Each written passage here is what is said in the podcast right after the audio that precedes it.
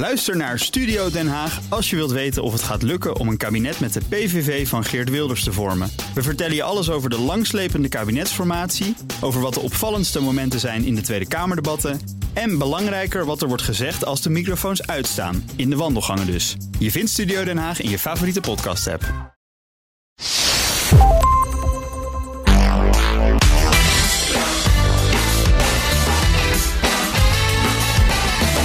De collega die de planning altijd net iets te rooskleurig presenteert. Die ene persoon die wel hele mooie verhalen ophangt over zijn arbeidsverleden. En de verhalen die collega Henk vertelde over zijn manager Marianne over haar huwelijk en haar geldzorgen. Zijn die eigenlijk wel echt waar? Hoe herken je een collega die liegt? Welkom bij de Ben Tichelaar podcast van BNR Nieuwsradio met een tricky topic aflevering. Waarin we het altijd hebben over een prikkelende kwestie. Met deze keer dus liegen op de werkvloer. Maak je jezelf er wel eens schuldig aan? Of heb je juist te maken met liegende collega's? En hoe ga je daar dan mee om? Ik heb het erover met Sophie van der Zee.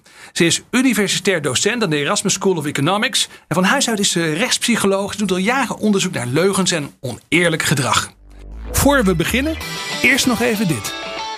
Hybride werken. Dat je dus deels thuis aan de slag gaat en deels naar kantoor komt. Veel bedrijven zijn er nu mee bezig en dat geldt ook voor bol.com en KPN. Ben je benieuwd naar hun ambitie en plannen van aanpak? Luister dan naar de nieuwste aflevering van Digital Heroes. Je vindt de podcast in de BNR-app en op alle bekende podcastkanalen. Uh, Sophie, laten we maar met de deur in huis vallen. Wat is iets wat iedereen zou moeten weten eigenlijk over liegen, wat jou betreft? Ja, dat mensen uh, beter zijn in liegen dan in het detecteren ervan. Oké, dus we kunnen wel goed zelf liegen, maar we hebben niet door als andere mensen liegen. Ja. Hoe komt dat? Allerlei verschillende redenen. Um, aan de ene kant kun je het vanuit een evolutionair perspectief bekijken. En dan Ja. zie je dat um, op het moment dat jij je net iets beter voor kunt doen dan dat je eigenlijk bent, vergroot je de kans op nageslacht.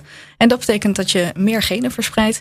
En dat is dus een kwaliteit die uh, overerft en uh, die mensen nu dus meer hebben. En aan de andere kant, ja, leugendetectie. Op het moment dat je het fout hebt, dus dat je iemand beschuldigt maar het is niet echt een leugen, dan uh, ja, wordt dat als heel negatief ervaren. En vroeger betekende dat uh, dat je uit de groep lag. En Ja. in de jagers-verzamelaarstijd betekende dat waarschijnlijk dat je doodging. Dus geen genen die worden verspreid. Dus vanuit evolutionair perspectief kun je het best wel goed uitleggen. Zeg, um, mensen zijn niet goed in het herkennen van leugens dus. Uh, hoe slecht zijn we erin? Niet heel veel beter dan kans. Oké, oké. dus echt pijn. puur toeval gewoon. Als je, als je het een keer bij het rechte einde hebt, je denkt, die liegt. Ja, kan dus net zo goed zijn dat het niet zo is. Ja. Ja. Ja, dus in leugenonderzoek zie je eigenlijk dat meestal de helft van de mensen vertelt een waarheid en de helft van de mensen vertelt een leugen. Ja. Dus als jij altijd zegt, ik denk dat je de waarheid spreekt, heb je het in 50% van de gevallen heb je het goed in de helft. En als je altijd zegt iemand liegt, heb je het ook in 50% van de gevallen goed. ja. Als je een muntje opgooit en gewoon random kiest, dan heb je het ook gemiddeld in 50% van de gevallen goed. En als je nou mensen instrueert om heel erg goed op te letten op wat iemand zegt, hoe iemand zich gedraagt. Uh, en dan een keuze te maken of het een leugen of een waarheid is. Ja, dan komt iemand gemiddeld op 54% uit. dus echt niet zo heel veel beter dan dat Echt muntje. heel triest. Er zijn er mensen die het wel heel goed kunnen. Dus van die mensen die daar echt in getraind zijn bijvoorbeeld. Of mensen die bij de politie werken of zo. Ja, leuke vraag. Er is uh, ooit uh, jaren geleden een, uh, een, een, wetenschappelijk artikel gepubliceerd over lie wizards. En het idee was dat Ja. dat dan mensen waren die heel goed zijn in leugendetectie. Maar eigenlijk achteraf, ze hadden geloof ik iets van 12.000 mensen getest. En dan verwacht je statistisch dat een paar mensen gewoon heel hoog scoren. En je ziet aan dat paper ook al dat ze op een gegeven moment de richtlijnen, wanneer ben je nou goed in leugendetectie, wat zij gaan oprekken, omdat te weinig mensen er, er binnen vielen. Um, dus eigenlijk wat je ziet is dat we niet echt mensen hebben tot nu toe gevonden die heel veel beter zijn dan anderen. En dat geldt dus ook voor mensen die dit voor hun beroep doen. Ja. We gaan het straks nog wel even hebben over het onderzoek op dit gebied. En ook nou, zeg maar, of, of er in het onderzoek wordt gelogen. Dat is natuurlijk altijd heel saillant. Maar eerst maar eens even naar jouw uh, verhaal. Want wat voor onderzoek doe jij nou precies? Ja, ik doe eigenlijk allerlei verschillende uh, onderzoeken op het gebied van leugen en, uh, leugens en leugendetectie. Dus aan de ene kant heb je de leugen. Waarom liegen we? Tegen wie liegen we? Waarover liegen we? Um, dan heb je mijn onderzoek dat gaat over kunnen we leugenachtig gedrag manipuleren of sturen. Dus op het moment dat je bijvoorbeeld wil dat iemand eerlijker antwoordt, dan is het belangrijk om te weten waarom iemand oneerlijk zou antwoorden. Dus welke factoren bepalen eigenlijk ons oneerlijke gedrag. Oké. Okay. Dus daar heb ik onderzoek naar gedaan. En dan als laatste, als mensen dan daadwerkelijk liegen, kunnen we het dan detecteren. En daar gebruik ik vooral verschillende soorten technologie voor. Oké, dus dus meer met, met leugendetectieapparaten en zo waar Ja. je mee werkt. Oké, interessant. Eh, wat voor soort apparaten? Nog- ben ik wel even benieuwd. Waar- Heb je daar hele sophisticated apparatuur voor nodig? De laatste jaren heb ik een aantal verschillende dingen gedaan. Ehm, de bekendste is waarschijnlijk, ik heb motion capture pakken gebruikt om leugens te detecteren. Dus dat zijn van die Oké, dat zijn van die dingen gebruiken ze ook geloof ik in films. Hè? Om, eh, om zeg maar daar avatars overheen te plakken of zoiets. Van, Ja. die, van die pakken met allemaal van die kleine eh zendertjes of zo? Ja, ja, Ja. van die sensoren, 17 Ja. stuks op je hele lichaam, van je hoofd tot je voeten. En dat heb ik eigenlijk gedaan omdat ehm, er was wat discussie over of non-verbaal gedrag, dus de manier waarop je je gedraagt, of dat wel een interessante manier is om te kijken naar liegen en of je daar op basis daarvan leugens kunt detecteren. En eigenlijk was toen ik begon met promoveren in 2010 Ja. een beetje de consensus dat dat niet zo goed werkte. Dat je beter kon luisteren naar wat iemand zei dan eh, kon kijken naar de manier waarop ze zich gedroegen. Maar toen was mijn commentaar, ja wacht eens even, eh, de manier waarop dit tot nu toe altijd onderzocht is, is door videoopnames te maken en Ja. volgens handmatig te gaan zitten opschrijven of iemand bijvoorbeeld wegkijkt of niet, of iemand met zijn rechterhand beweegt, met zijn linkerhand beweegt, gaat verzitten. Terwijl dat is natuurlijk maar een, een hele ja, een, eh, een beperkte manier van naar Ja. gedrag kijken. We bewegen zoveel meer dan alleen maar dat soort grote bewegingen. Dus toen dacht ik, nou weet je wat, dan ga ik nu eh, naar informatica en dan ga ik vragen hoe kunnen we zo accuraat mogelijk eh, meten hoe iemand zich beweegt en hoeveel iemand Ja. beweegt. Nou, hebben we gedaan. En toen kwamen ze dus met die motion capture eh, Ja. pakken. Ja. Ja. werd op dat moment nog heel weinig voor onderzoek gebruikt. Maar op dat moment was het wel de meest accurate manier om eh, lichaamsbeweging te meten. Dus wij hebben mensen in die pakken gehezen, echt honderden. Ze leugens laten vertellen, waarheden laten vertellen. En ja, bekeken hoe ze zich gedroegen. Oké. En zijn er dan daar ook weer patronen in te vinden? Zijn er ook dingen die je bijvoorbeeld wel met het blote oog zou kunnen waarnemen als het gaat om de bewegingen van iemand zijn lichaam, als het gaat om liegen? Nou, grappig dat je meteen gaat, kunnen we daar iets van waarnemen? Want, Ja. nou, dat weet ik eigenlijk niet. Maar eh, wat we zien eh, is dat met eh, alle motion capture onderzoeken die we gedaan hebben, dus met van die leugenpakken, eh, zien we dat mensen meer bewegen als ze liegen dan als ze de waarheid vertellen. Oké. En dat is interessant, omdat uit de eh, eerdere onderzoeken op basis van die video's, daar kwam eigenlijk juist, als je kijkt naar gedrag, kwam er juist uit dat mensen bijvoorbeeld hun handen eh, minder met hun handen gaan friemelen en minder eh, gebaren gaan maken als ze praten. Dus dat kan best zijn dat ze dit soort bewegingen dan minder maken, maar Ja, over een dit hele soort lichaam. beweging, dit is radio, dit is podcast. Ja, dat je beweegt nu even met je vingers. Ja, precies. Ja. Ja, dus die, eh, eh, het friemelen met je vingers, eh, de gebaren die je maakt als je praat, Ja. illustratieve gebaren heet dat. Eh, het, het kan nog steeds wel zijn dat je die dus minder eh, doet. Maar dat je bijvoorbeeld wel de hele tijd een beetje heen en weer beweegt. En dat dat dingen zijn die tot nu toe nooit gemeten werden. Oké, en dat is niet per se voor iedereen hetzelfde. Nee, dat is ook belangrijk. Bij ons Ja. vonden we dat eh, ongeveer 80%, ongeveer 4 op de 5 mensen gaat meer bewegen. Maar ongeveer 1 op de 5 gaat minder bewegen. Oké, ja, en dan is er ook maar de vraag: hoeveel beweegt iemand sowieso al van zichzelf? Ja, en dan we doen dus wel echt, we hebben zowel ehm, onderzoek gedaan, dus tussen groepen, between subjects heet dat. Dus dan Ja. heb je twee verschillende groepen. Maar ook eh, binnen dezelfde persoon. Dus dat iemand zowel een leugen als een waarheid vertelt. En dan kun je dus kijken of het echt om gedragsverandering binnen één persoon gaat. En dat hebben we ook gevonden. Oké, wow, super interessant. Dan denk ik dat heel veel mensen misschien al een beetje beginnen te denken: ja, maar oké, wacht eens even. We hadden het net over liegen en evolutionaire redenen waarom mensen liegen. En dan ging het ook een beetje over, nou ja, jezelf iets beter doen voorkomen. Maar ja, is dat nou liegen? Zullen mensen zich afvragen. Wat is nou een leugen in jullie onderzoek? Wanneer is iets een leugen? Als wetenschappers hebben we daar natuurlijk een hele mooie definitie voor. En dat is een succesvolle of onsuccesvolle poging, zonder waarschuwing vooraf, om een beeld te creëren in de ander waarvan de zender denkt dat het niet waar is. En dat is een hele mond vol, maar er zitten een paar hele belangrijke aspecten in. Ja, ik, ik voel er allerlei subtiliteiten voel ik erin. Ja, kun je, kun je, wat zijn de belangrijkste dingen hierin? Succesvol of onsuccesvol, dat betekent dat het maakt niet uit of de ander je gelooft. Op het Ja. moment dat jij een beeld probeert te creëren wat niet waar is, dan is het een leugen. Dus dat is één.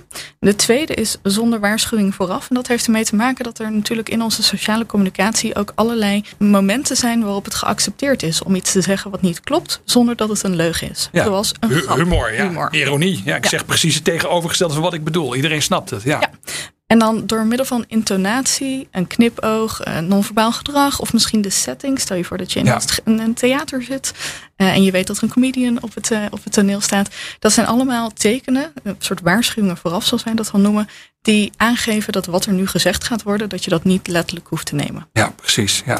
Ja. En de ander is, en die is ook wel heel erg belangrijk, ehm, dat je een beeld creëert waarvan de zender eh, denkt dat het niet waar is. En dat beeld creëren, dat betekent, dat, dat is echt expliciet zo geformuleerd, omdat het gaat niet per se om iets zeggen wat niet waar is, Mhm. maar een beeld creëren. En dat kun je dus ook doen door iets niet te zeggen. Dus door belangrijke informatie weg te laten. Als je gewoon bewust iets achterhoudt om in die andere een verkeerd beeld creëren van de situatie, dat is ook liegen. Ja. Jullie definitie. Ja, Ja, zeker. Ja.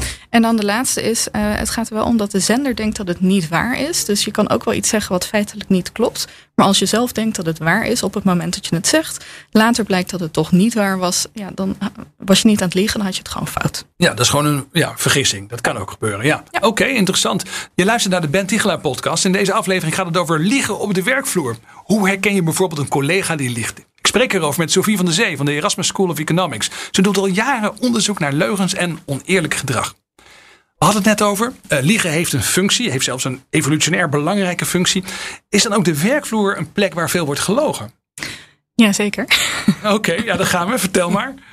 Nou, dus we hebben zelf onderzoek gedaan eh, waarin we gekeken hebben naar eh, ja, waar lieg je nou, wanneer lieg je nou, en tegen wie lieg je nou. En dan zie je dat in ieder geval 6 tot 10 procent van de leugens die we vertellen aan eh, collega's is. Ik denk dat dit percentage eigenlijk nog wel hoger ligt, omdat we hebben dit onderzoek gedaan in het Nemo Science Museum in Amsterdam. Ja, En dat waren natuurlijk allemaal mensen die op dat moment een uitstapje met vrienden, familie, kinderen aan het maken waren. ja wel een bijzondere omgeving. Ja. Daarom. Dus ik denk als je dit in een, eh, in meer in een werkomgeving zou testen, dat je een hogere percentage zou krijgen. Maar goed, in ieder geval, zeg maar 1 op de 10 leugens wordt aan je collega's verteld. Ja. En, en waar gaat het dan over? Waar liegen mensen over in een werkomgeving? Ja, interessant. Eh, dus wat we zien is dat eh, volwassenen voornamelijk eh, liegen om iets niet te hoeven doen.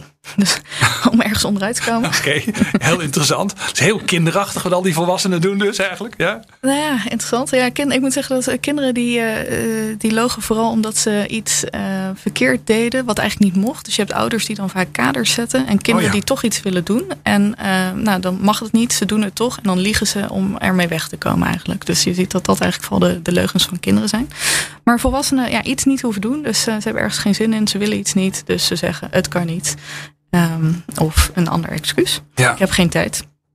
Ehm, ook wel om ergens niet over te hoeven praten. En dat is natuurlijk ook wel relevant in een werkcontext. Omdat je hebt natuurlijk allerlei dingen die in je persoonlijke leven misschien wel spelen. ja. Die je niet per se op de werkvloer met je collega's wil bespreken. Dus een van de meest eh, gezegde leugens is, hoe gaat het met je? Ja, prima. ja oké, snap ik ook wel een beetje. Ja. Ja. is ook sociaal niet echt geaccepteerd dat je zegt, nou ga even zitten, heb je een half uur. Is echt een drama. Ja, Ja, nee, zeker. Ehm, verder zie je ook wel dat eh, mensen veel liegen om iemand anders zijn gedrag te beïnvloeden. Dus eigenlijk een beetje uit manipulatie. Dus je wil dat iemand anders iets voor jou doet of iets gaat doen en dan vertel je een leugentje om dat voor elkaar te krijgen. Ehm, maar ook wel eh, een, een best een groot gedeelte zijn eh, sociale leugens. Dus om iemand niet te kwetsen of om aardig te zijn. Oké, oké. En, en ik, eh, wat we ook al- altijd heel interessant hier vinden bij, eh, bij deze podcast is, zijn dingen als solliciteren en een baan krijgen in je loopbaan. Eh, Als het, als het daarover gaat, liegen mensen dan ook veel? Wordt er bij sollicitaties bijvoorbeeld veel gelogen? Ja, heel erg veel. Ja. Heel, heel erg veel Ja. zelfs. Oké, Ja. wat waarover dan? Ja, ik heb hier zelf geen onderzoek naar gedaan, maar ik heb eh, even literatuur erop nageslagen. En ehm, er zijn verschillende eh zelfrapportagestudies geweest. Dus onderzoeken waarin mensen dan zelf aangeven wat ze gedaan hebben. Heb ik gelogen of niet? Moet je eerlijk zeggen nu. Ja, en dan in bepaalde scenario's. En dan eh, gaan mensen daar antwoord op geven. En wat je dan meestal wel ziet, is dat met leugenonderzoek, omdat mensen het soms moeilijk vinden om dat op te biechten, is dat meestal mensen meer liegen dan dat ze op zo'n vragenlijst invullen. Ehm, dus dat de percentages in de werkelijkheid nog hoger zijn. Eh, maar dan zie je eigenlijk dat ehm, als het aankomt op sollicitatiebrieven en, en eh, eh, so- sollicitatie-interviews, dat een beetje afhankelijk van het, van het onderzoek, maar tussen de 80 en 90 procent van de mensen zegt dat ze zouden liegen. Oké, En eh, mensen die ook echt gemeten hebben hoe vaak dat dan was, dan heeft tenminste een kwart van de mensen heeft daadwerkelijk in het verleden gelogen tijdens een sollicitatiegesprek. oké. En eh, daarnaast is er ook nog een onderzoek geweest, een experiment. Daarmee kun je altijd wat beter gedrag meten dan met een vragenlijst. Ja, ja. Eh, en wat ze hebben gedaan is, ze lieten mensen solliciteren, ook echt, en een brief schrijven en nodigden ze uit voor een interview. Er niet bij vertellend dat dit een experiment was, wat vrij hard is. En ik denk tegenwoordig ook niet Daar meer kom je niet de- meer mee weg in de Nee. ethische commissie, bij de meeste ethische commissies tegenwoordig. Nee, maar, mag ook niet ja, meer. Nee, ja. dit was, het was het iets van 20 jaar geleden, geloof ik, 15, 20 jaar geleden. Toen mocht dat nog wel, kennelijk. Ehm, en eh, wat ze eh, zagen is dat eh 90% van hun proefpersonen eh, uiteindelijk eh, heeft gelogen tijdens dat interview. Dus ze hebben het opgenomen met een video zonder het te vertellen. En achteraf verteld, ja, dit was eigenlijk een onderzoek. Je gaat niet echt deze baan krijgen, maar ik wil graag met jou door dit interview heen gaan om te kijken hoe vaak je hebt gelogen. En dan werd er eh, gemiddeld ongeveer twee keer in dat eh, interview gelogen. Oké, dus eh, in een kwart van de, van de, van de eh, sollicitatiegesprekken wordt gelogen. Eh, ja, dat zeker. Maar als je dan echt op deze manier gaat meten, dan, dan blijkt dat 90% wel bereid is om te liegen eigenlijk. Nou, ook echt. Dus En het ook echt doet. Het echt deed. Het ja, ook echt deed, ja, dus, dus ik denk dat dat kwart dat het eerder richting de driekwart ligt en Ja. dan, dan richting de kwart. Ja. Zo zeg. Ja, dat is best wel eh, heftig. Hoe herken je dat nou? Als je, kan je dan dezelfde technieken voor gebruiken waar we het in het begin van deze podcast over hadden? Dus dat je dan moet gaan letten op de bewegingen van mensen? Of zeggen we nou, vergeet het maar, je gaat het gewoon niet herkennen. Nou, mijn advies is probeer het niet eens te herkennen, want je bent er hoe meer. Het maakt niet uit hoeveel aandacht je eraan besteedt, hoeveel je je inleest. Je gaat niet heel veel hoger komen dan die 54 Ja. Je kan wel iets hoger komen, vooral op het moment dat je bepaalde vragen gaat stellen. Wat we bijvoorbeeld zien is eh, op het moment dat je, eh, men- dus op het moment dat je liegt, dan bereid je vaak een verhaal voor. Je denkt van Ja. tevoren na van wat ga ik dan vertellen. Ehm, en dat betekent dat als jij vragen stelt waar iemand al over heeft nagedacht, dat die persoon dat relatief makkelijk kan vertellen. Maar op het moment dat jij hele onverwachte vragen gaat stellen of hele specifieke vragen gaat stellen die iemand niet heeft voorbereid, Ja. dan op het moment dat je het hebt meegemaakt, als je de waarheid spreekt, dan is het makkelijker om daar eh, antwoord op te geven dan op het moment dat je een leugen vertelt. Dus Oké, dus je denkt, hier zit iemand te liegen. Maar Ja. dat geldt dus niet alleen maar bij sollicitatiegesprekken, maar gewoon Ja. in het algemeen. Dan moet je eigenlijk een hele specifieke vraag stellen over het verhaal wat iemand op dat moment aan het vertellen is. Ja. En dat kan wel helpen met leugentekst. En dan kun je er dus wat beter dan die 54% doen. Ja, maar dan is het ook echt feiten checken. Dan ben je, ook, dan ben je de leugen zeg maar, van eh, nou ja, allerlei vermoedens die je hebt. Dan maak je het wel heel expliciet, zeg maar. Nou, niet per se. Want je kan gewoon zeggen van... hé, hey, nou, je vertelt dat je eh, in de horeca werkt. Je vertelt dat je bij dat restaurant hebt gewerkt. Ehm, kun je me eh, vertellen wat voor... wij zitten na te denken over bepaalde kleding. Kun je mij vertellen wat jullie daar droegen? Oh ja. En Ja. zeker als je dan vragen, specifieke vragen stelt... die ook nog eh, verifieerbaar zijn. Dus die je kunt checken.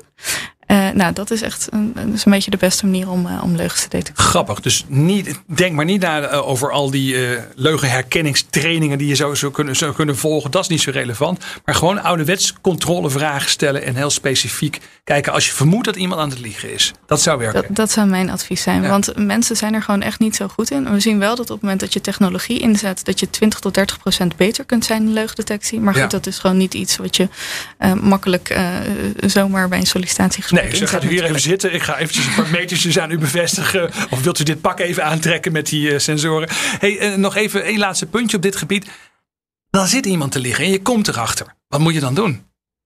Ja, eh, dat vind ik een hele mooie vraag. Want het hangt er een beetje vanaf wat je doel is. Wat wil je met deze persoon? Dus op het moment dat je eh, iemand wil ontslaan, wil zorgen dat je niet meer met die persoon te maken hebt, dan zou ik vooral een dossier aanleggen. Dus Ja. zoek naar bewijsmiddelen, zodat je kunt bewijzen dat iemand liegt. Ja, anders je zei het in het begin al even, je hebt ook een juridische achtergrond. Ja. Heel goed. Dossiervorming. En de andere?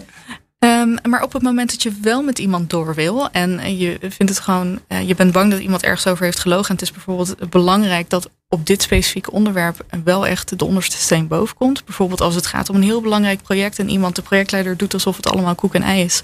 Maar eh, nou, je vraagt je af of het project wel op tijd klaar gaat zijn, bijvoorbeeld. En je denkt, nu kan ik nog ingrijpen als het niet goed gaat. Ik wil het nu weten. Ja. Ja, dan eh, zou ik het A op de man afvragen. En B vragen weer om bewijsmiddelen. Ik denk dat dat eigenlijk de, de rode draad door mijn verhaal heen is. Ja. Eh, kun je me laten zien waar jullie nu staan? Ehm, als het gaat om bonnetjes, eh, kun je me de fysieke bonnetjes sturen?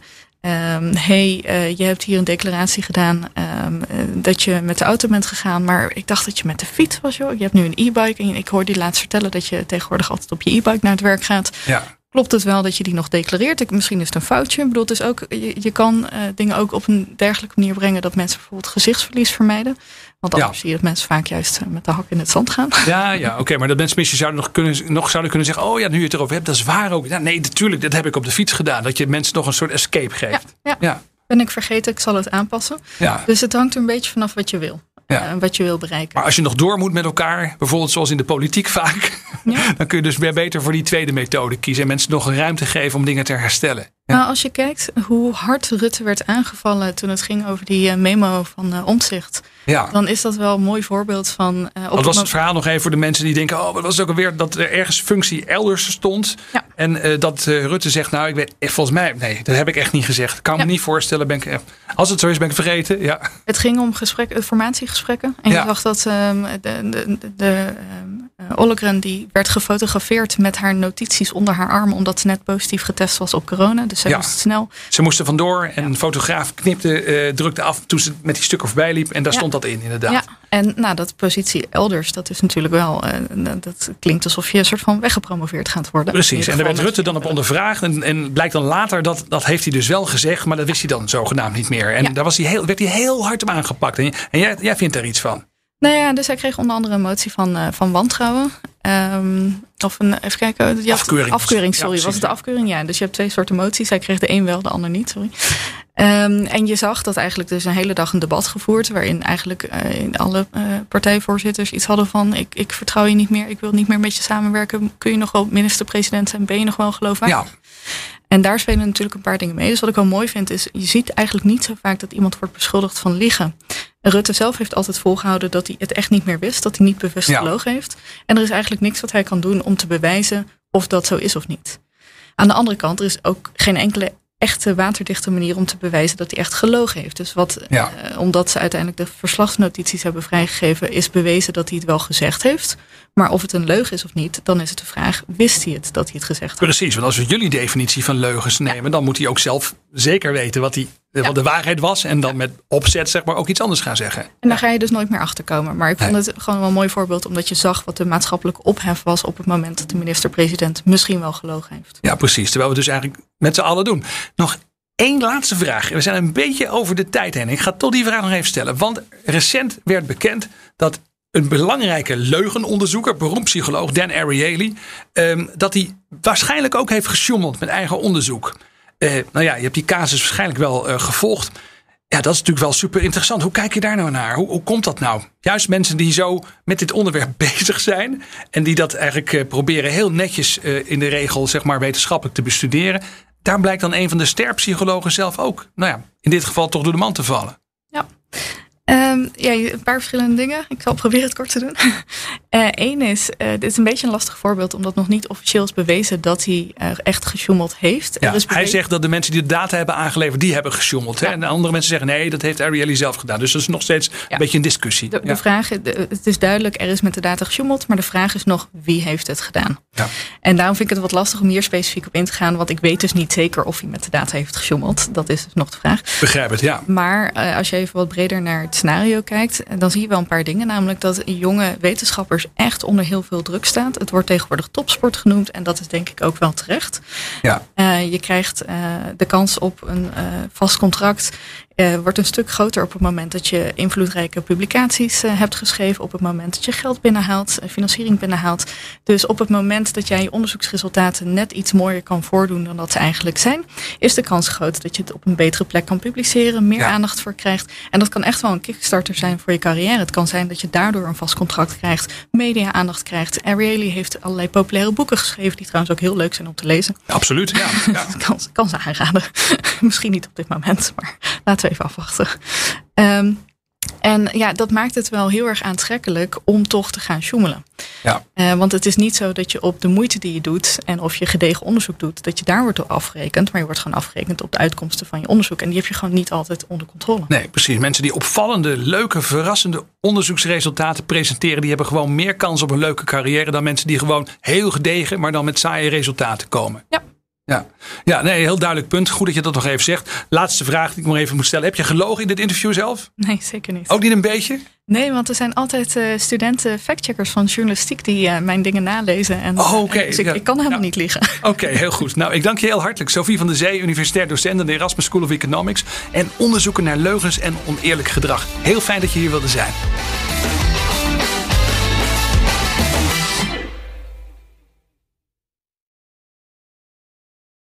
Ook Bas van Werven vind je in de BNR-app. Ja, je kunt live naar mij en Iwan luisteren tijdens de ochtendspits. Je krijgt een melding van Breaking News. En niet alleen onze podcast Ochtendnieuws, maar alle BNR-podcasts vind je in de app. Download nu de gratis BNR-app en blijf scherp.